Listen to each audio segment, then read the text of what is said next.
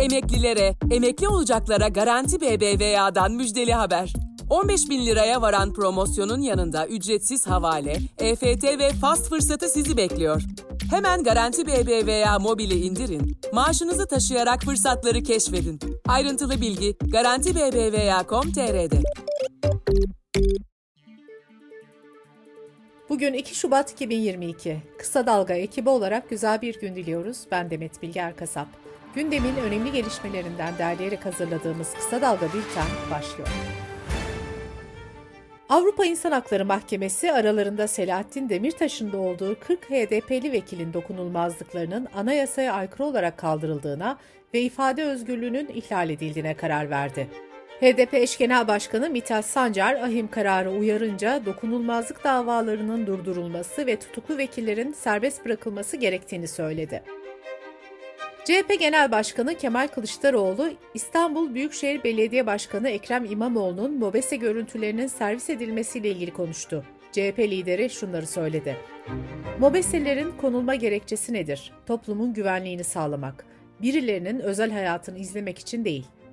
Biz sadece telefonlarımızın dinlendiğini sanıyorduk, meğer izleniyormuşuz da. Konuyu meclise getireceğiz.'' CHP lideri peşkeş çekiliyor dediği 6 milyar liralık ihale üzerinden Erdoğan'a yüklendi. Kılıçdaroğlu, daha çok sürprizlerimiz olacak, senin imzan olan belgeleri de açıklayacağız dedi. MHP Genel Başkanı Devlet Bahçeli de partisinin grup toplantısında Ekrem İmamoğlu'na kentte geçen hafta etkili olan kar yağışı üzerinden yüklendi. Bahçeli, bizim dileğimiz İBB Başkanı'nın görevinden affını bir an önce talep etmesi İstanbul'un önünü açmasıdır diye konuştu. Eğitim Sen'in öğretmenlik meslek kanununun geri çekilmesi için meclis önünde yapmak istediği basın açıklamasına polis izin vermedi. Eğitimciler taleplerini Milli Eğitim Bakanlığı önünde dile getirdi. Eğitim Sen Genel Başkanı Necla Kurul, kanuna yönelik itirazları şöyle sıraladı. Öğretmenleri öğretmen, uzman öğretmen, baş öğretmen diye bölmek istiyorlar. Biz öğrencilerimizi sınav odaklı bir sistemin zararlarından korumak istiyorduk. Şimdi aynı sistem öğretmenlerimize uygulanacak. Bu öğretmenlik mesleğinin onurunu ortadan kaldıran bir süreçtir. Türk Eğitim Derneği'nin düşünce kuruluşu TEDMEM tarafından hazırlanan 2021 yılı eğitim değerlendirme raporunda zorunlu eğitim çağında olmasına rağmen yaklaşık 676 bin çocuğun eğitim sistemi dışında kaldığı belirtildi. Uluslararası Basın Enstitüsü ile birlikte 26 İnsan Hakları ve Gazetecilik Örgütü 22 Ocak'ta tutuklanan gazeteci Sedef Kabaş'ın serbest bırakılması için Türkiye'ye çağrı yaptı. 43 yıl önce uğradığı silahlı saldırıda hayatını kaybeden Milliyet Gazetesi Genel Yayın Yönetmeni Abdi İpekçi, Zincirlikuyu Mezarlığı'ndaki kabri başında düzenlenen törenle anıldı. Türkiye Gazeteciler Cemiyeti Genel Sekreteri Sibel Güneş, her 1 Şubat'ta buraya geleceğiz ve Abdi İpekçi neden öldürüldü sorusunu sormaya devam edeceğiz diye konuştu. Bültenimize ekonomiden gelişmelerle devam ediyoruz. İstanbul Ticaret Odası Ocak ayı fiyat indeksine yayınladı. İstanbul'da perakende fiyatlarda yıllık enflasyon Ocak'ta %50.91 seviyesine çıktı. Böylece 2002 yılından bu yana en yüksek yıllık enflasyon kaydedildi. Doğalgazda Şubat ayında mesken ve sanayi aboneleri için geçerli tarife sabit kalırken elektrik üretim amaçlı tarifeye %14 zam yapıldı. CHP'nin enerji ve altyapı projelerinden sorumlu Genel Başkan Yardımcısı Ahmet Akın, elektrikte kademeli tarifenin değiştirilmesini değerlendirdi. İktidarın tepkiler üzerine geri adım atmak zorunda kaldığını belirten Akın şöyle dedi. 1 Ocak'ta ilk kademe 210 kWh olarak belirlenseydi vatandaşlarımızın faturaları yine 2'ye ya da 3'e katlanacaktı. Ancak fatura tutarları yaklaşık 42 lira az olacaktı. Ocak ayı boyunca vatandaşlarımızın fazla ödediği ücret hesaplanarak bir sonraki fatura döneminde iade edilmelidir. Resmi gazetede yayınlanan kararla Türk lirasına dönüşüm hesaplarında Merkez Bankası'na faiz yetkisi verildi. Yayınlanan tebliğde Merkez Bankası bankanın mevduat hesabına uygulayacağı azami faiz oranını belirlemeye yetkilidir denildi. Sırada COVID-19 gelişmeleri var. Sağlık Bakanı Fahrettin Koca'nın vaka artışına rağmen endişeye gerek yok açıklamasına karşın Bilim Kurulu üyesi Profesör Doktor Levent Akın, Türkiye'de durumun ciddi olduğunu belirterek şu uyarıyı yaptı. 90 bin bandında günlük yeni vaka ilan ediyorsanız hastalık halen ülkeyi tehdit ediyor demektir. Günlük yaklaşık 200 kişinin ölümü hiç azımsanacak bir rakam değil. O yüzden de tehdit çok büyük. Bilim Kurulu üyesi Profesör Doktor Alper Şener de yurttaşlara aşılarını tamamlamaları çağrısında bulundu. Yapılan her 100 PCR testinin 20'sinin pozitif çıktığını belirten Şener tabloyu şöyle yorumladı.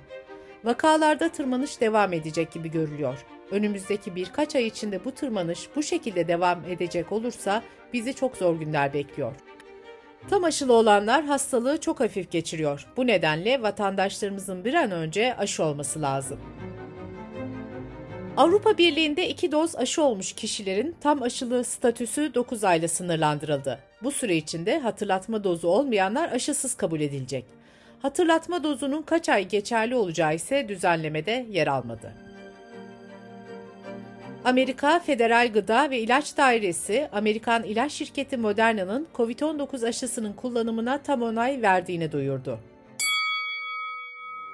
Danimarka, omikron kaynaklı vaka sayılarındaki artışa rağmen pandemi önlemlerini kaldıran ilk Avrupa Birliği ülkesi oldu. Danimarkalı yetkililer tüm kısıtlamaların kaldırılmasına nüfusun %80'inden fazlasının aşılanmasını gerekçe gösterdi. Avusturya'da ise dün yürürlüğe giren yasayla 18 yaşından büyük herkesin COVID-19 aşısı yaptırması zorunlu hale getirildi. Daha önce bazı ülkeler tıp çalışanları ve yaşlılar için aşı zorunluluğu getirmişti ancak bunu yetişkin nüfusun geneline yayan ilk ülke Avusturya oldu. Dış politika ve dünyadan gelişmelerle kısa dalga bültene devam ediyoruz. ABD Başkanı Joe Biden, Washington'ın Rusya ile diplomasi yürütme konusunda istekli olduğunu belirtirken, Amerika diplomasi istekli ama Ukrayna'da işler kötüleşirse ne pahasına olursa olsun hazırız ifadelerini kullandı.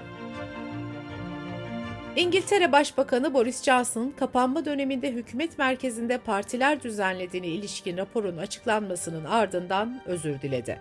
Raporda hükümet ciddi bir liderlik başarısızlığı ve karar verme yetersizliğiyle suçlandı. Raporda ayrıca aşırı alkol tüketimi hiçbir zaman profesyonel bir iş yerinde uygun değildir değerlendirmesi yapıldı.